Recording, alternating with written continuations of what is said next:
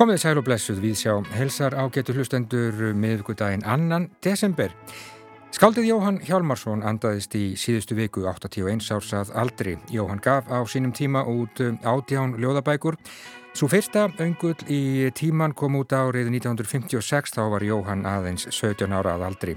Hann var bráðger mjög, þróaði ljóðlist sína út í surrealisma á sjönda áratögnum Þið svo kallaði að opna ljóð á þeim áttunda en eh, síndi okkur síðan aðrar hliðar í síðustu bókum sínum. Jóhann var menningarbladamadur á morgunbladinu, gaggrinandi þar um áratuga skeið og sömulegis mikilvirkur þýðandi sem opnaði marga glukka þýtti ljóð eftir mörg af helstu skáldum 20. aldar Lorca, Machado, Vallejo og Borges og fá einn séu nefnd.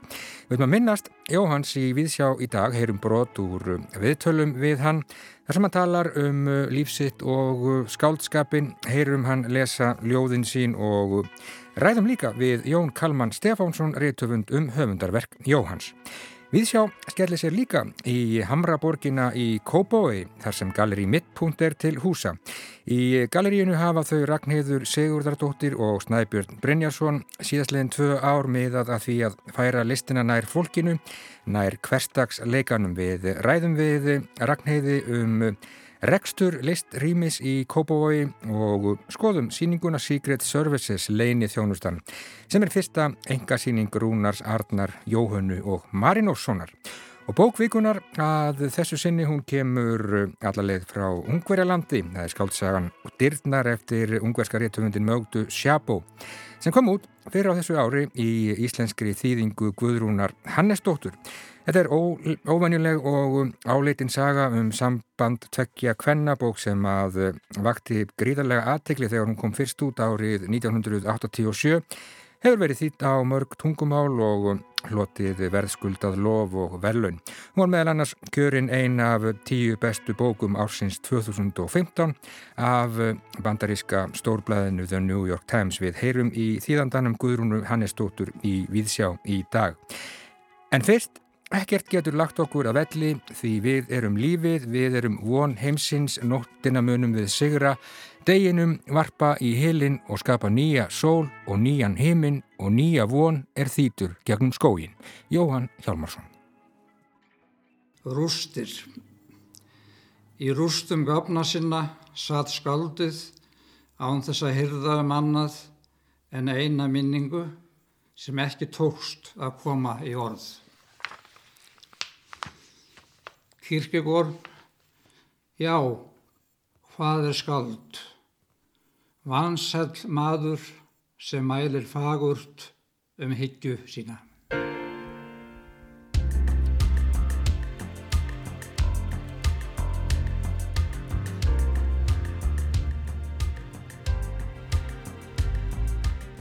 Jóhann er eitt af fremstu skáldum þjóðarinnar og spannar ferill hans 54 ár Því hann var korn ungur er hann gaf út sína fyrstu ljóðabók, Öngul í tíman, árið 1956 og gerðist með því einn af merkisberum módernismans í íslenskum bókmyndum.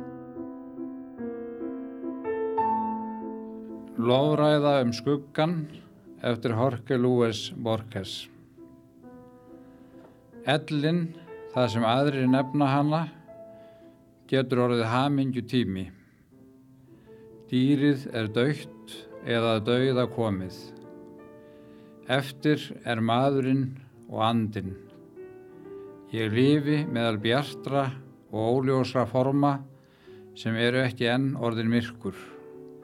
Húanars aðris sem áður fyrr stiftist í útkverfi alla leið til sléttunar endalösu hefur aftur orðið Rekoleta kirkjugarðurinn Retíró-garðurinn, niður nýttar götur vesturbæjarins og hrörleg húsinn sem enn eru kenduð söðurbæjin. Síðan hefur hann gefið út 17 frumsamdar ljóðabækur, 5 bækur með þýðingum á mörgum helstu skáldum 20. aldar, ásamt því að skrifa gaggrinni og bókmöntagreinar í dagblöð og tímaritt. Jóhann kemur víða við í skálskap sínum. Þar byrtist órótt sálarlíf nútímamannsins jamt sem hverstagur smáborgarinnar Reykjavíkur, náttúran og heims viðburðir. Og bregður þar fyrir stílbrögðum sem sótt eru til jafn ólíkra skáldskapar hreyfinga og surrealismans og hjáttningaljóðsins.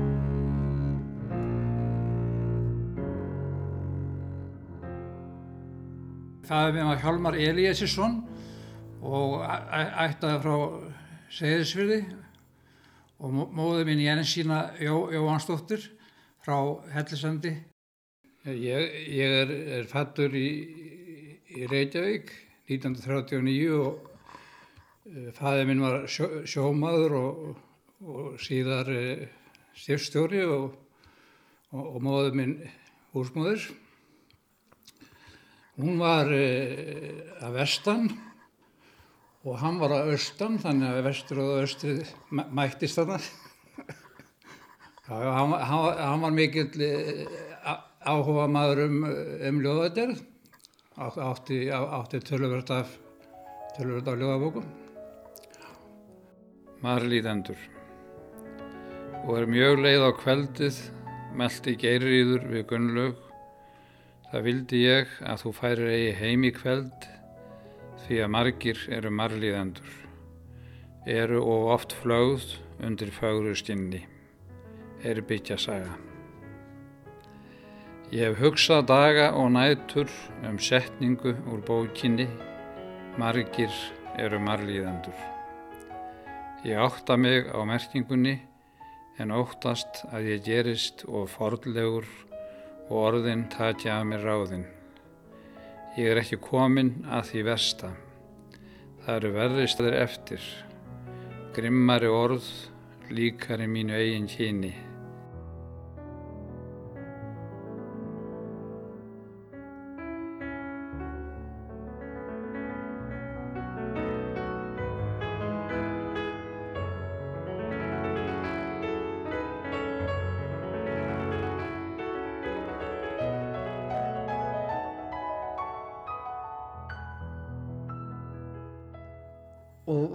Þaðan sem að svona eh, skaldskapurinn kom inn í þitt líf? Það var sem sagt á heimilinu? Já, það, það, það má eiginlega segja það. Það voru til svo eh, margar bækur sem ég fór, fór, fór að glugga í en ég hrefst nú ekki á þjóðskaldunum. Fyrsta bókin kemur út 56. Já. Þá ertu, þá ertu hérna, þú ert hérna, hvað ertu, ertu 17 ára? Eða? 17 ára, já. 17 ára, 17, já. já og það er líka bara beinast í þá að spyrja eh, hvaðan eh, þér kom sá kjarkur að gefa út bók 17 ára gammal já, já, já, ég var nú heimangangur hjá Einari Braga og Kristínu lengi. Og, og, og við, við Einar Bragi tölum mikið um skaldskap og ég sínd honum rjóð eftir mig. Og uh, þegar ég var tilbúin með handrita þá ráðlaði mér að hitta Jón og Vör og byrði hann að að lesa þetta yfir. Og Jón gerði það og, og, og sagði bara þetta verður verð bara strax að koma út. Og hann hafi held ég eitthvað samband við eh, Hafstein Guðmursson í Hólaprensmiðu svo það var bara það var bara, var bara drifið, drifið í þessu. Horfin ástríða okkar og blóð órólegt, staðfestulöst óendanlegt og úvið af Þetta lítur nú að hafa verið svolítið sérstætt að vera tekið svona vel af þessum tveimur skáldum þarna strax í upphafi, Einari Braga og Jón Úrvör. Já, ég, ég býst við því, enda, enda fekk bókin sko mjög góða dóma, þessi fyrsta bók og, og, og síðan náttúrulega þá uh, fór ég að taka þátt í, í, í bókmyndalífinu. Ég var einna reystjórum Byrstings ég var svona barnið í reystjóninni já, já, já, já, já.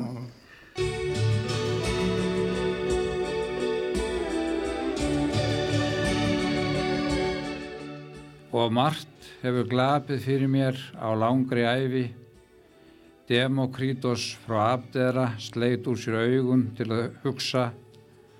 Tíminn hefur verið minn Demokrítos Þetta húm færist hægt yfir og sársökalust. Það líður fram hjá vinanlegri hæð og líkist eiliðinni. Vinir mínir eru andleislausir, konurnar eru eins og þar voru fyrir mörgum árum, göduhornum eru auðvelt að ruggla saman, það eru engir stafir á blöðum bókana. Allt þetta ætti að stelfa mig en það er mér ljúft endur koma. Af öllum hennu margvíslegu tekstum heimsins hef ég aðeins gluggað í fáeina, hinn að sömu sem ég held áfram að lesa úr minninu, lesa og breyta. Frá söðri og norðri, frá östri og vestri mætast veginnir sem hafa borið mig að minni eigin dular fullu miðju.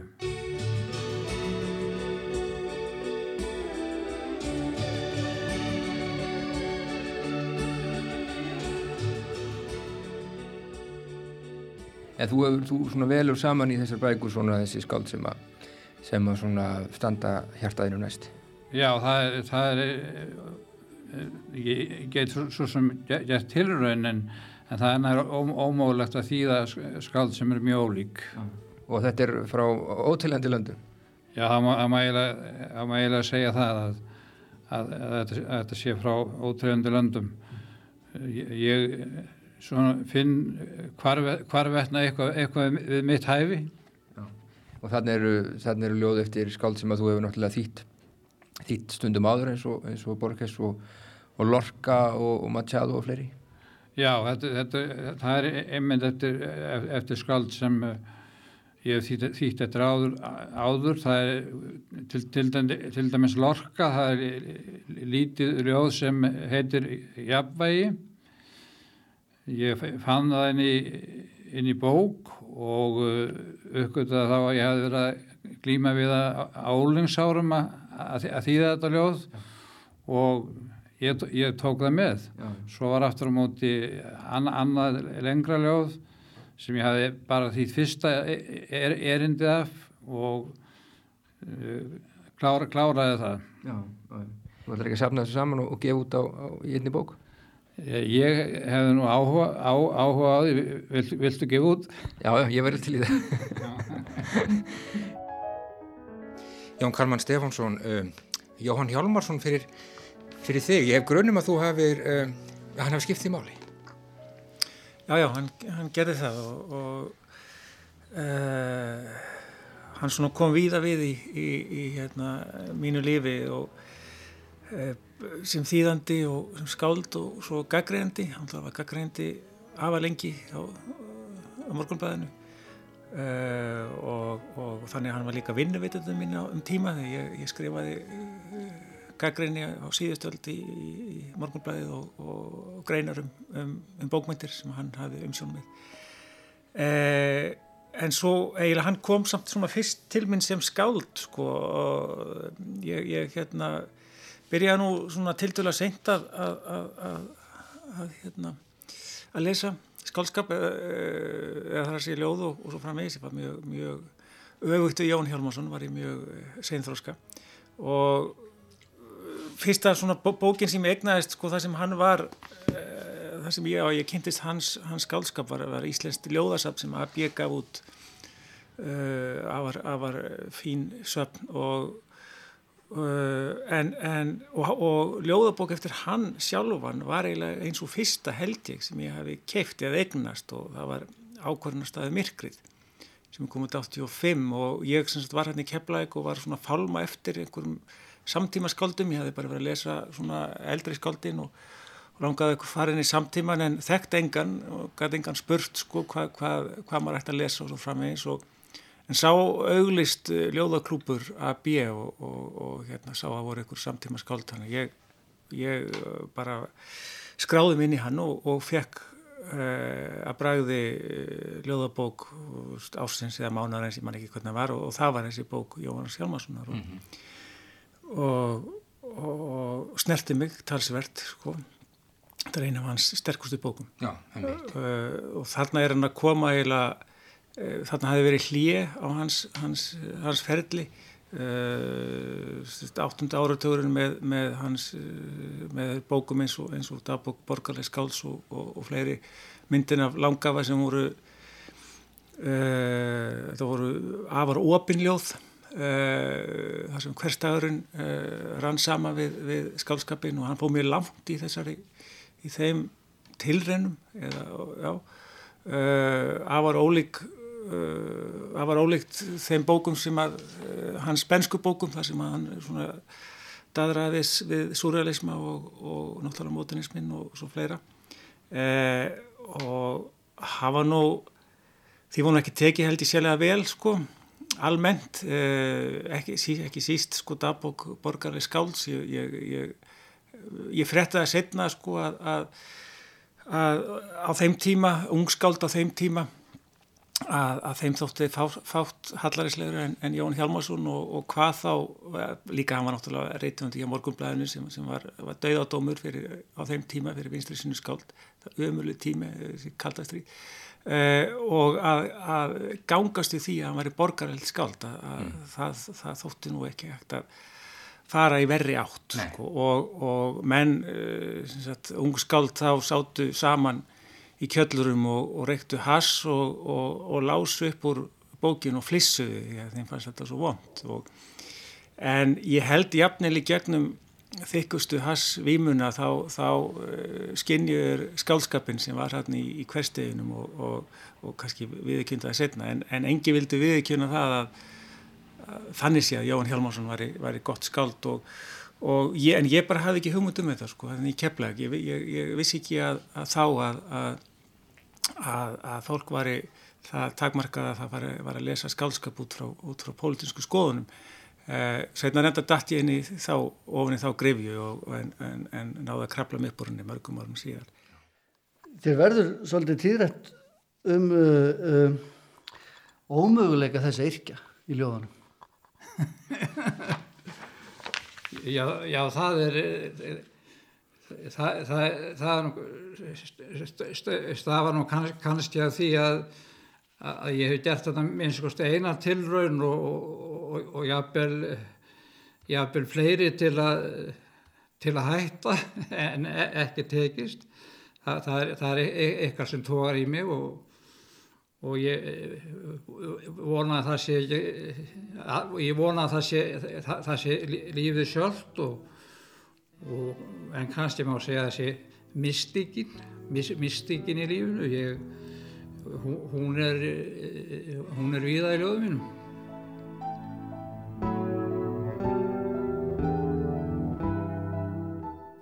Sko Jóhann mjög bráðger fyrsta bók eh, kemur út þegar hann er aðeins 17 ára gammal og já, hann byrjar í svona surrealisma og fer út í þetta opna ljóð sem þú nefnir svo uh, svona undir lokin og svona síðustu verk hans uh, í þeim sínir hann á sér Já, það er alltaf aðrar liðar, hann er farin að kallast á við sögn og sögu, erbyggju og margt, margt fleira og, og það er hljóma svona, já, nýr uh, tónar í, í hans hörpu sem, að, sem eru mjög fallegir.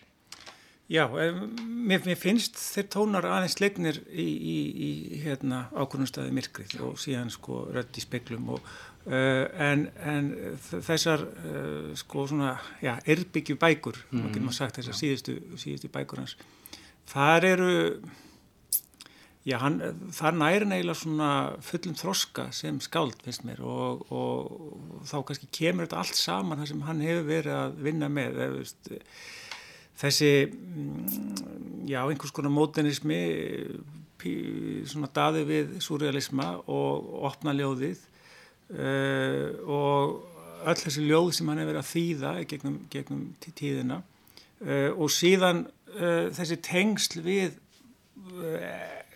jó, erbyggju en ekki síður bara hans, hans uppvöxt þarna á, á Snæfellsnesi og síðan og að lokum sko þessi þessi sásöki sem að liggur í gegnum hans besta, bestu ljóð uh, sásöki og einhvers konar þunglindi, eða þunglindi já, myrkur uh, og þetta er, þetta er einhver, þetta er einhver uh, mjór, mjög greinilegur en um leið ógreinilegur strengur. Já, viðkvæmur. Já, viðkvæmur og virðist alltaf við það að brotna en afar, afar lýriskur og, og í þessum bestu ljóðum hans, í síðustu bókunum, að, að þar er hann áberandi og, mm.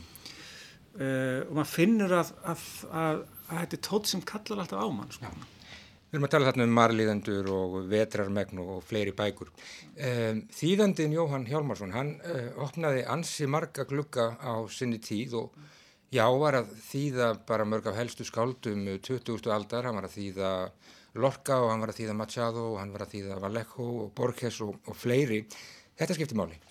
Já, mjög miklu máli og ég held að, að ég sko fyrir mig að þó mér ekki væntum Jón Hjálmarsson sem skáld sko en, sem, hann, en hann hafði meiri áhrif á mig mm. eh, sem, sem þýðandi eh, og, og þegar ég uppgötta þess að bækur sko, uppgötum hann á tíunda áratöknum og hafði það á tilfinningu þegar ég fór uppgötta að það voru svolítið faldar.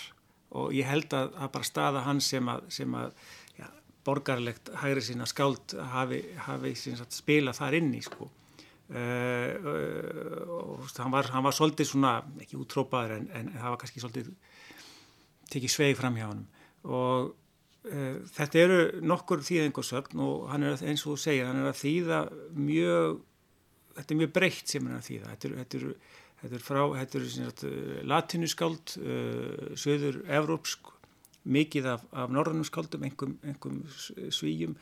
Egulöf þýðir hann, uh, menni svíþjóð sem læsir á, á íslensku uh, og mikil, mikil Egulöf menna, þeir segja að enginn hafi þýtt Egulöf jafn vel og, og, Jón Hjálmarsson. Mm. Hann er, er einstakum, einstakum sambandi við þetta mikla skáld og eins Asperström. Og, en fyrir mig það fyrsta sem hins að sló mig það ég held að ég hef kæft að bókina í Skolti Levitans eh, það er fyrsta bókin sem, sem þýðingabókum minni mig. Eh, og þar kynntist ég Vallejo í, í, í fyrsta sinn. Eh, og engum var það, var það, var það þýðingin á, á ljóðinu Ógnvaldurinn tímin sem að fullkomlega sló mig eh, í rót nánast sko eh, og það var bara, ég mann, var móment þegar ég las það hvæði og, og það hafi mikil áhrif á mig og ég held að það hafi bara hreinlega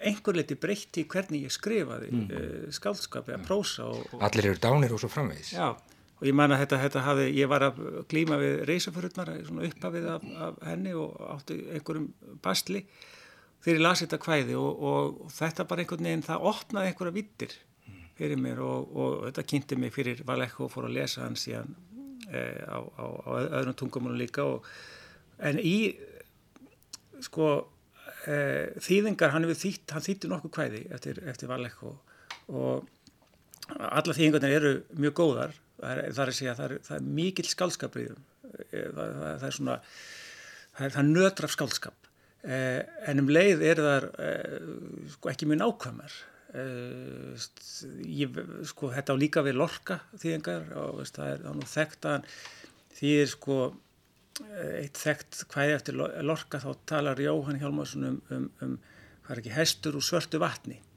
sem er stórkosleg mm. uh, lína og, og hefur fyllt mér alla tíð síðan og er alltaf að koma til mér aftur og aftur en mér skilst að, rétt tíðing sé sko vagn úr, úr, úr svörtu vatni ja. svörtu, já, eitthvað, eitthvað slíkt eða dökku vatni, já, en bara hestur úr svörtu vatni er svo miklu, miklu betra og ég, eh, sko sjálfsagt hefur þetta verið ykkur, hann var ungu þegar hann, hann þýtti þetta hvaðið, hann er bara ykkur miskilingur á, á spænskunni og, og eins er í, í, í þýðingum á Vallejo, það er einhver miskilingur eða skapandi miskilingur þetta er mjög skapandi miskilingur og, og það er það sem er alltaf að gera þýðingar svo heillandi sko, að, að stundum er, er gott að, að, að miskilja en, en sama kom að segja miskilingur er ekki að með þessum Eh, þýðingarsöfnum sínum að þá auðgaði Jón Hjálmarsson íslenskan skálskap verulega.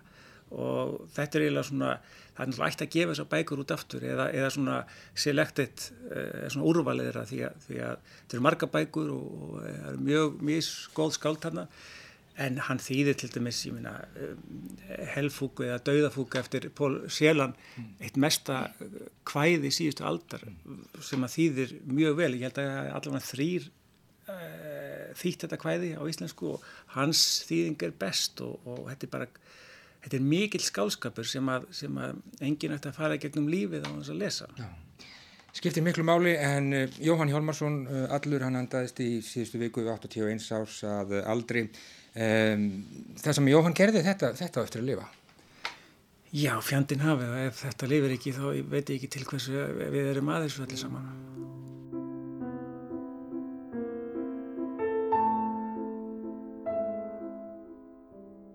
tvö hús á jörðu. Komdu nú með sverðin, við skulum berjast, leggja á hafið þúsund hvítum skipum, sigla til landsins þar sem hús óttans stara móti gráum dauðum himni og komdu með ljósið sem vex í þessu myrkri. Haltu því andartak í höndum, láttu vofurnar greina augu þess, svo stökkum við á land og við munum brenna hús óttans og nóttin mun koma, svartasta nótt í þessu dimma landi. En ekkert getur lagt okkur að velli því við erum lífið, við erum von himsins. Nóttina munum við sigura, deginum varpa í hílinn og skapa nýja sól og nýjan heiminn og nýja von er þýtur gegnum skóginn og talar við börnin er býða við gruggugar lindir og fiskan í hafinu þar sem mósin grær. Og börnin munu bregða á leik og syngja og fiskarnir synda hraður en áður. Og við munum kynka þögul kolli og vita að loksins, loksins höfum við sigrað. En á morgun mun ég aftur segja við þig Komdu með sverðin, við skulum berjast, leggja á hafið þúsund svörtum skipum, sigla til landsins þar sem hús gleðinar, horfa og því bláum heiðum himni. Og komdu með myrkrið sem vex í þessu ljósi, haldu því andartak í höndum, láttu fólkið greina augu þess. Svo stökkum við á land og við munum slökva ljósin í húsi gleðinar og dagurinn mun koma, bjartasti dagur í þessu bjarta landi, en ekkert getur lagt okkur að velli, því við erum dauðin, við erum hatur heimsins. Og við munum draga fyrir sól og heiminn og skapa hatur, enn meira hatur. Og senda óttan á ný gegnum skógin til að nýsta börnin er dansa við tæra lindir og fiskan í hafinu þar sem blómið grær og við munum þurka hróður blóðugsverðin og vita að enn, enn höfum við sígarð.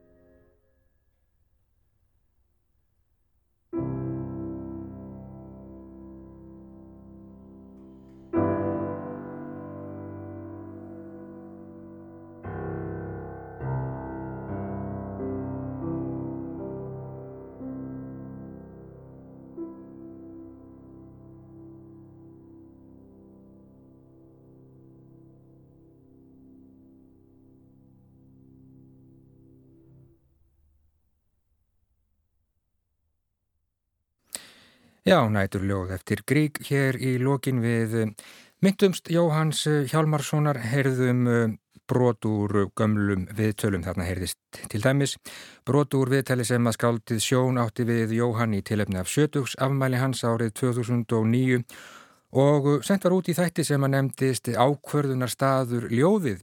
Einnig heyrðum við brot úr dagskrálið frá árunnu 2005 sem kallaðist Sagan á bakvið ljóðið. Þar rætti Jón Hallur Stefánsson við Jóhann og þarna flutu líka með glefsur úr gömlum viðsjár þáttum. Jóhann Hjálmarsson andaðist í síðustu viku 8-10 og 1 árs að aldrei blessuð sé minning hans. En bókvikunar hér á ráseitta þessu sinni er skáltsagan Dyrnar eftir ungverska réttöfundin Mögdu Sjabó sem kom út í íslenski þýðingu Guðrunar Hannesdóttur fyrr á þessu ári. Þetta er ofannuleg og áleitin saga um samband tveggja kvennabók sem að vakti greiðlega aðtegli þegar hún kom fyrst út árið 1987 og hlaut verðskulda lof og verðlun og var meðal annars kjörin einn af tíu bestu bókum ársins 2015 af bandaríska stórblæðinu The New York Times. Við skulum grípa niður í viðtal sem Jórun Seguradóttir átti við Guðrúnu eh, fyrir á þessu ári í þættinum orð um bækur þegar þýðingin var til þess að gera nýkomin út. Ég hérna rakst á umsögnum þessa bók í New York Review of Books fyrir nokkrum árum. Þeir hafði gert hana sem sagt útnettana bók ársins 2019 held ég, já, og ég kæfti hana bara strax og fekk mér hann í enskri þýðingu. Og eins og þú segir, ég heitlaðist bara alveg aðinni og já, eins og gerir stundum með bækur. En ég fann að hún var ekki alveg öll þar sem hún var séð.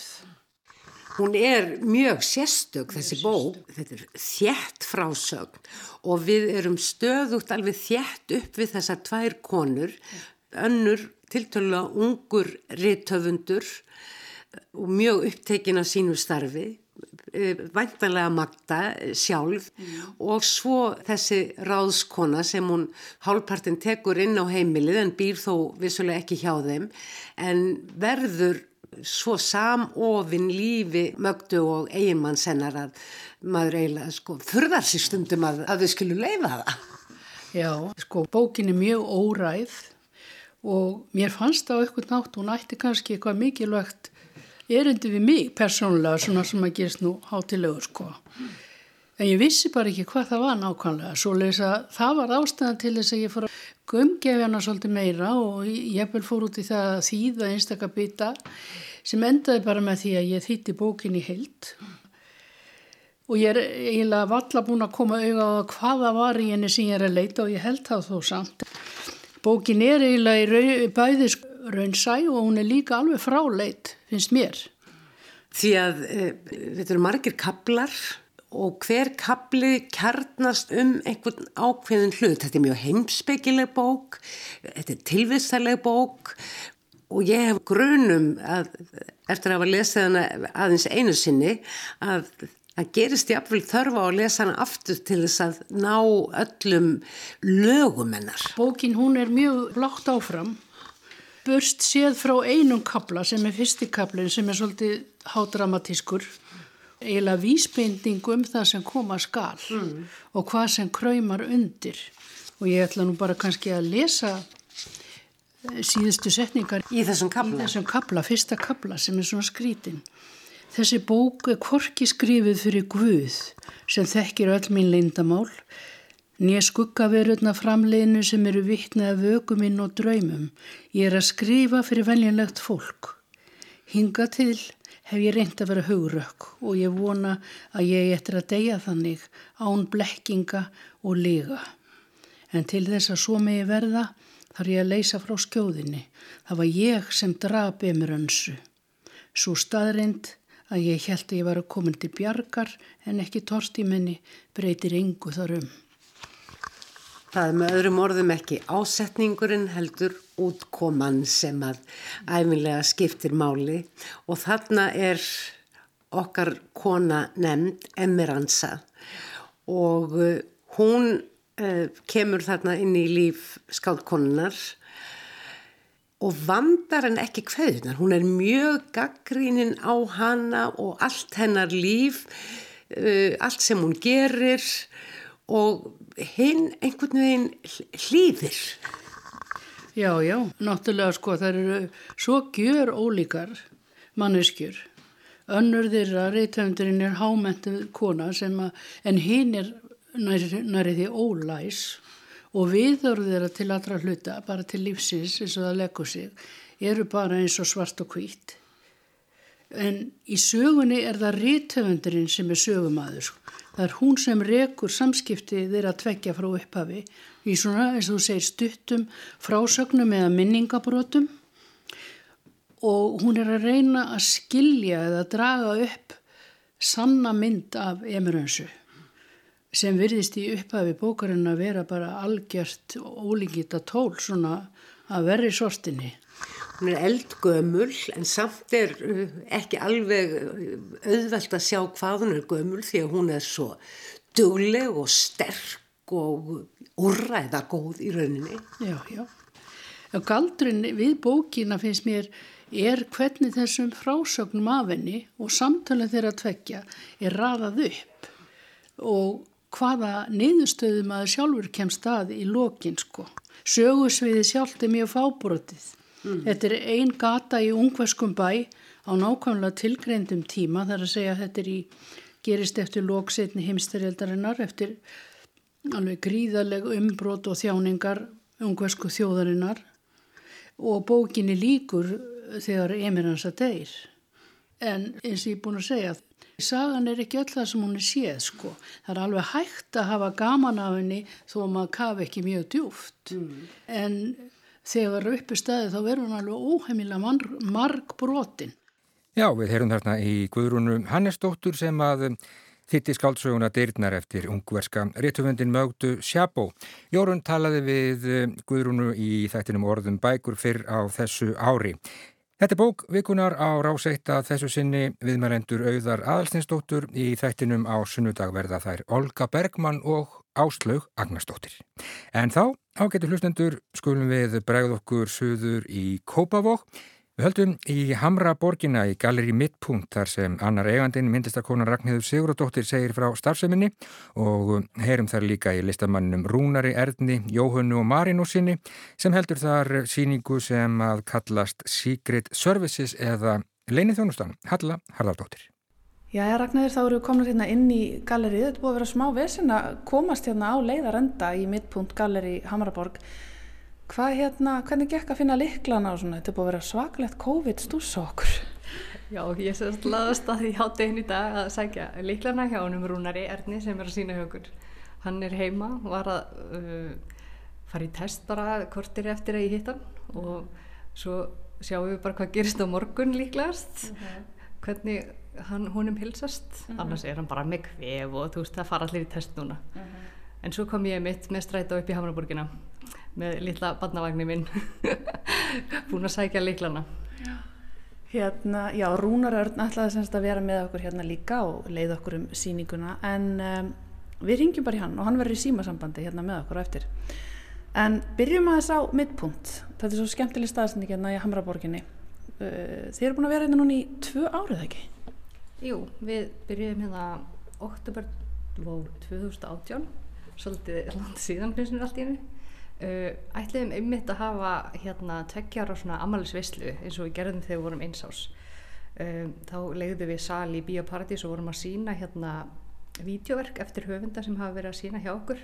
Það rindist bara útrúlega skemmtilega. Það sem maður situr og horfir rauninni á vídeoverk eins og maður sé að horfa á kveikmynd og nýtur þess og klárar það verkið alveg frá aðtilu það var mjög skemmtilegt þannig að við ætliðum að gera það aftur mm. en það gast hvorki tíminni var opið þannig að við í rauninni bara hættum við það og við kannski gerum okkur glæðan dag eftir maður setna þegar ástandir verður betra mhm. -huh. og fögnum ammali Ekkert að því að halda upp á bara tveggja hálsás ammali Algjörlega, ha. eða bara tveggja og þrý fjörðu ammali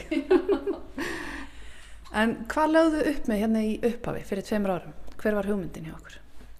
Hugmyndin til að byrja með var sérst að færa bara listina nær almenningi. Það er svona okkar hugmynd, þú veist, með því að vera hérna í Hamraborginni.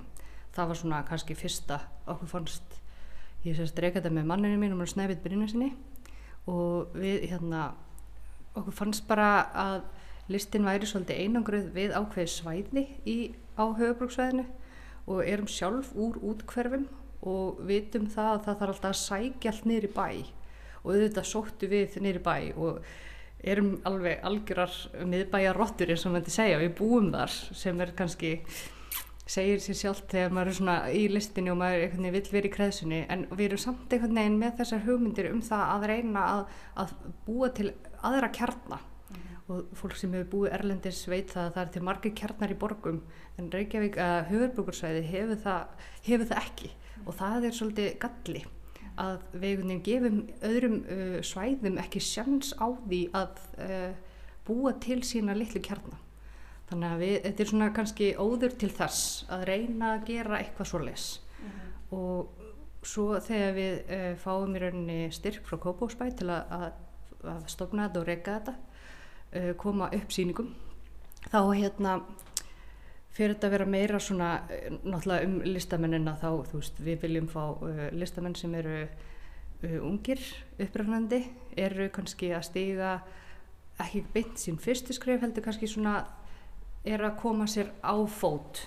Um, kannski sinni list kannski, það getur líka verið að þú setja að prófa eitthvað annað þú veist kannski að, að stíga eitthvað önnur skref í eitthvað aðra átt. Þarf því ekki að vera þú veist eitthvað ungur í þú veist líkama. Mm -hmm. heldur kannski að, að það sé eitthvað nýtt að gerast í þínu lífi.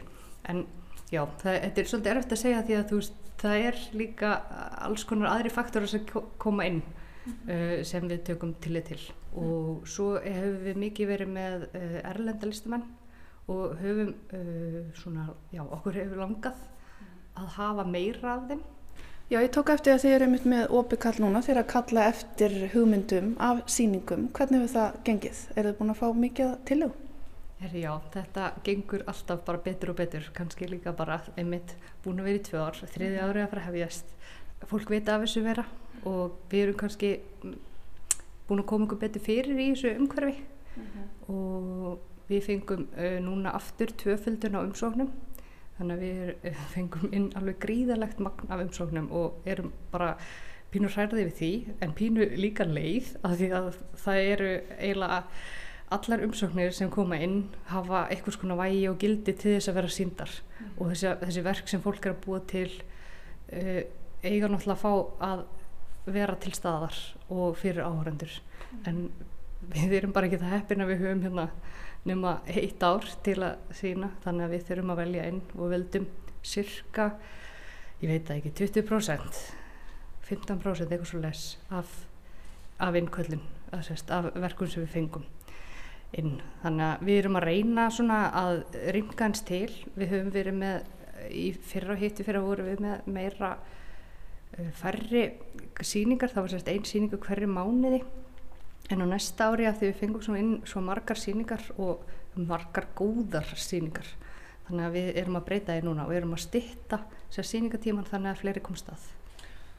En ánægilegt að heyra að það sé svona mikil áhugi bara og, og mikil gróskagreinlega og, og, og ásókn í að sína finnur þú eitthvað tilfinningu fyrir hérna því sem er að gerast, hvernig finnst þér svona greinur eitthvað svona eitthvað tíðaranda eða eitthvað þemu eða er eitthvað svona sem að þið finnst engkjana þessar, þessar umsóknir Það var alveg soldið, hérna COVID kom alveg í gegn uh, bæði þú veist að uh, þessi innilókun, hvernig þú veist fólk er að koma því frá sér og, og innveran, það kom alveg já, ég myndi segja að það hefði komið svolítið vel í gegn mm -hmm. En svo það sem kom skemmtilega óvart var það að Hamraborgin kom líka sterk inn.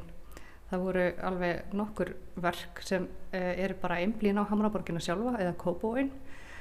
Þetta svæði sést, miðbæin og vestubæin og það er ánægilegt því að við náttúrulega ætlum að vera og höldum okkur hérna í Hamraborgin og ætlum að standa með henni. Þannig að uh, við náttúrulega, ef það er verið að fjalla um eða rannsaka eitthvað hérna í, í hverfinu eða svæðinu, þá náttúrulega reynum við að styrka það og, og koma því áfram uh mhm. -huh. sem er alltaf bara æðislegt Það verður ótrúlega spennend að sjá hvað kemur út úr þessu og hvað verður hér á bóðstólunum á næsta ári en hérna Hamraborgin uh, þið talið um að ja, þið laðið upp með að færa listina svona nær fólki og gera hana kannski, já, færa hana inn í hverstasleikan mhm. -huh. og hér er svo sannlega hverstasleiki á sveimi, við erum hérna með bónus og rakarstofu og ekki vítjulegur reyndar en sjóppu hérna og ímislegt og hvernig, hvernig finnst þetta að hafa gengið? Er fólk að fara í bónus og koma við hérna og, og svona upplifa smá list í leðinni?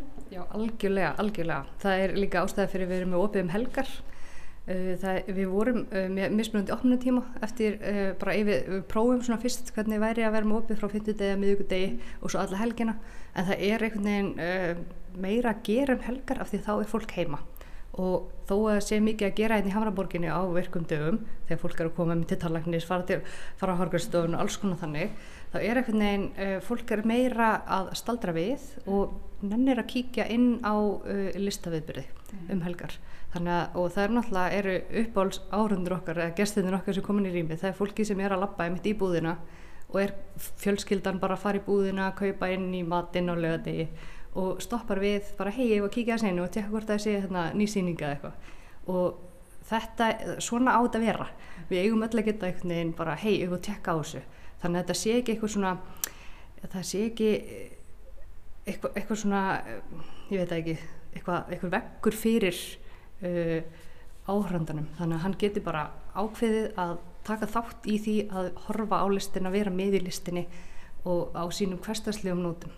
Þannig að já, það er ótrúlega gaman þegar fólk, og líka þegar nýjir kom inn alveg bara hei, byrju er þetta búið að vera hérna? Við erum náttúrulega pínu falin. Þetta er svona í kallara hérna í Hamraborginni og sem er náttúrulega pínu getur gæti verið skemmtilega að vera með glukkasvæði en það er líka kostur við það. En þá er fólk að uppgöta þetta og er bara já þetta, er æðislegt. Og kemur þá kannski á næstu þrjár opnarnir og eru bara mjög ánæg með starfseminna hérna. Mm -hmm. Frábært, gaman að heyra Ragnæður, við skulum vera alltaf hérna um síningunans Rúnars Arnar og ringi hann og fá að heyra heyra hvað hann að spá Já, gerum það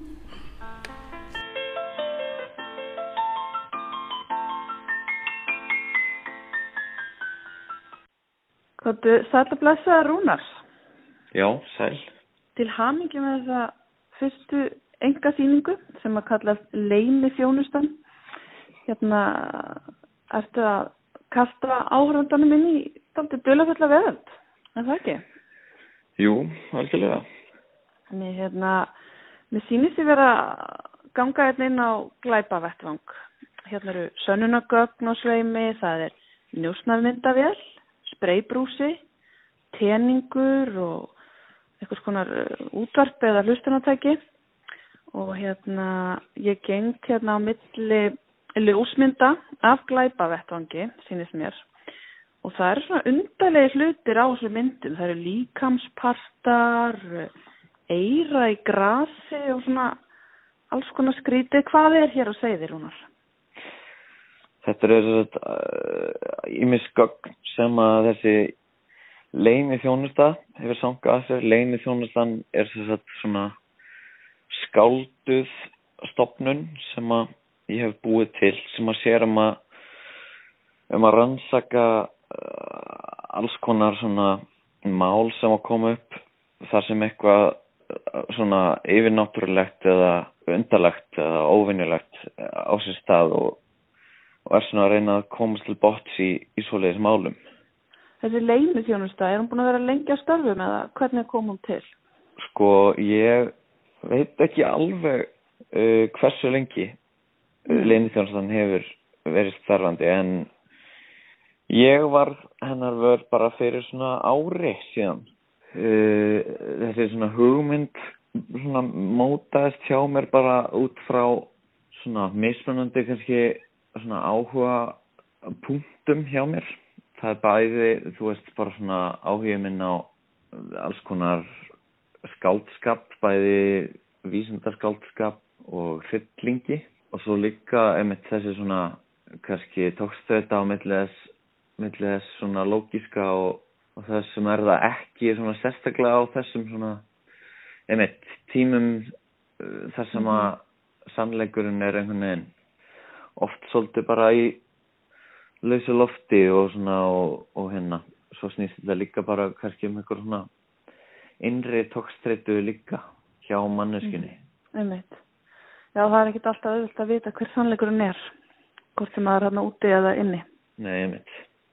Það er nú, þetta er samt, já, þetta er alvarlega undirtótt en samt mjög skemmtilega það er, það er aldrei húmór hérna í gangi. Það er myndin hérna af bílnum þess að horfa niður og sér svona að það er eitthvað búin að vera að borða greinlega svolítið svona skyndibitamat og svo liggja hann að tennur í eitthvað svona hlaupi.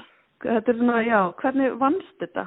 Hvað, þessi líkamspartar í svo hlaupi, hvað er að gangið? Mm -hmm. uh, já, þetta er þess að ég kalla þetta útfrimi svona þetta eru einhvers konar einhvers konar draugar og það eru hérna ég vann þetta í þetta er brjóssikur sem að líkanspartanir eru í og, og þetta er svona bara einmitt, vísun í, vísun í svona fólk sem að vara að framkalla drauga með svona, uh, á, svona, á svona seances og þá kom oft úr þeim svona útfremi og í mm. þeim voru oft, koma oft fram einhvers konar líkanspartar og þetta er svona bara einhver leikur með það og uh, já einmitt, með leiklaðan svona búning og svona mm -hmm. Þetta eira hérna í grasinu þetta svona, minnir mann ónefnilega á ákveðna bíómynd, er eitthvað tenging? Sko, það er óvart en er svona ekki beint með þetta en, en, en svona það er mjög skýr kannski áhrif frá David Lynch bara mm -hmm. alveg yfir þessari síningu Einmitt. algjörlega sko og hann líka en kannski hann... á eitthvað dulasullan hátt fyrst þetta var ekki meðvitað ég, allavega ég hugsaði ekki já, ég best að gera einn Blue Velvet skúldur en já þetta... þetta er allavega ótrúlega skemmtileg og áhugaverð síning við hvetjum bara alla til að koma hérna í middpunkt og ná að sjá hana að því að það er síðasta síningarhelgin framöndan. Já, um. Við segjum bara, láttu þið batna, sendu þið bata hverjus. Já, takk, takk hjá fyrir. Já, vonandi farið bara gott úr þessu prófi og gangið vel áfram í listinni. Takk fyrir það. Já, Halla Harðardóttir þarna í Galeri Midpunkt í Hamraborginni í Kópavogi. Hún rætti þarna við Ragnheiði Sigurdardóttur og Rúnar Örn Jóhannu og Marínósson. Listastarfsemi í Kópavogi hér í Víðsjá á miðugudegi. Og nákvæmlega svona þá ætlum við að ljúka þættinum í dag Víðsjá hér aftur á sínum stað, löst eftir klukkan fjögur á morgun. Taknimaður í þessari útsendingu var Rapp Kjell Sigursson. Takk fyrir samfélgina í dag. Kærlega verið sæl.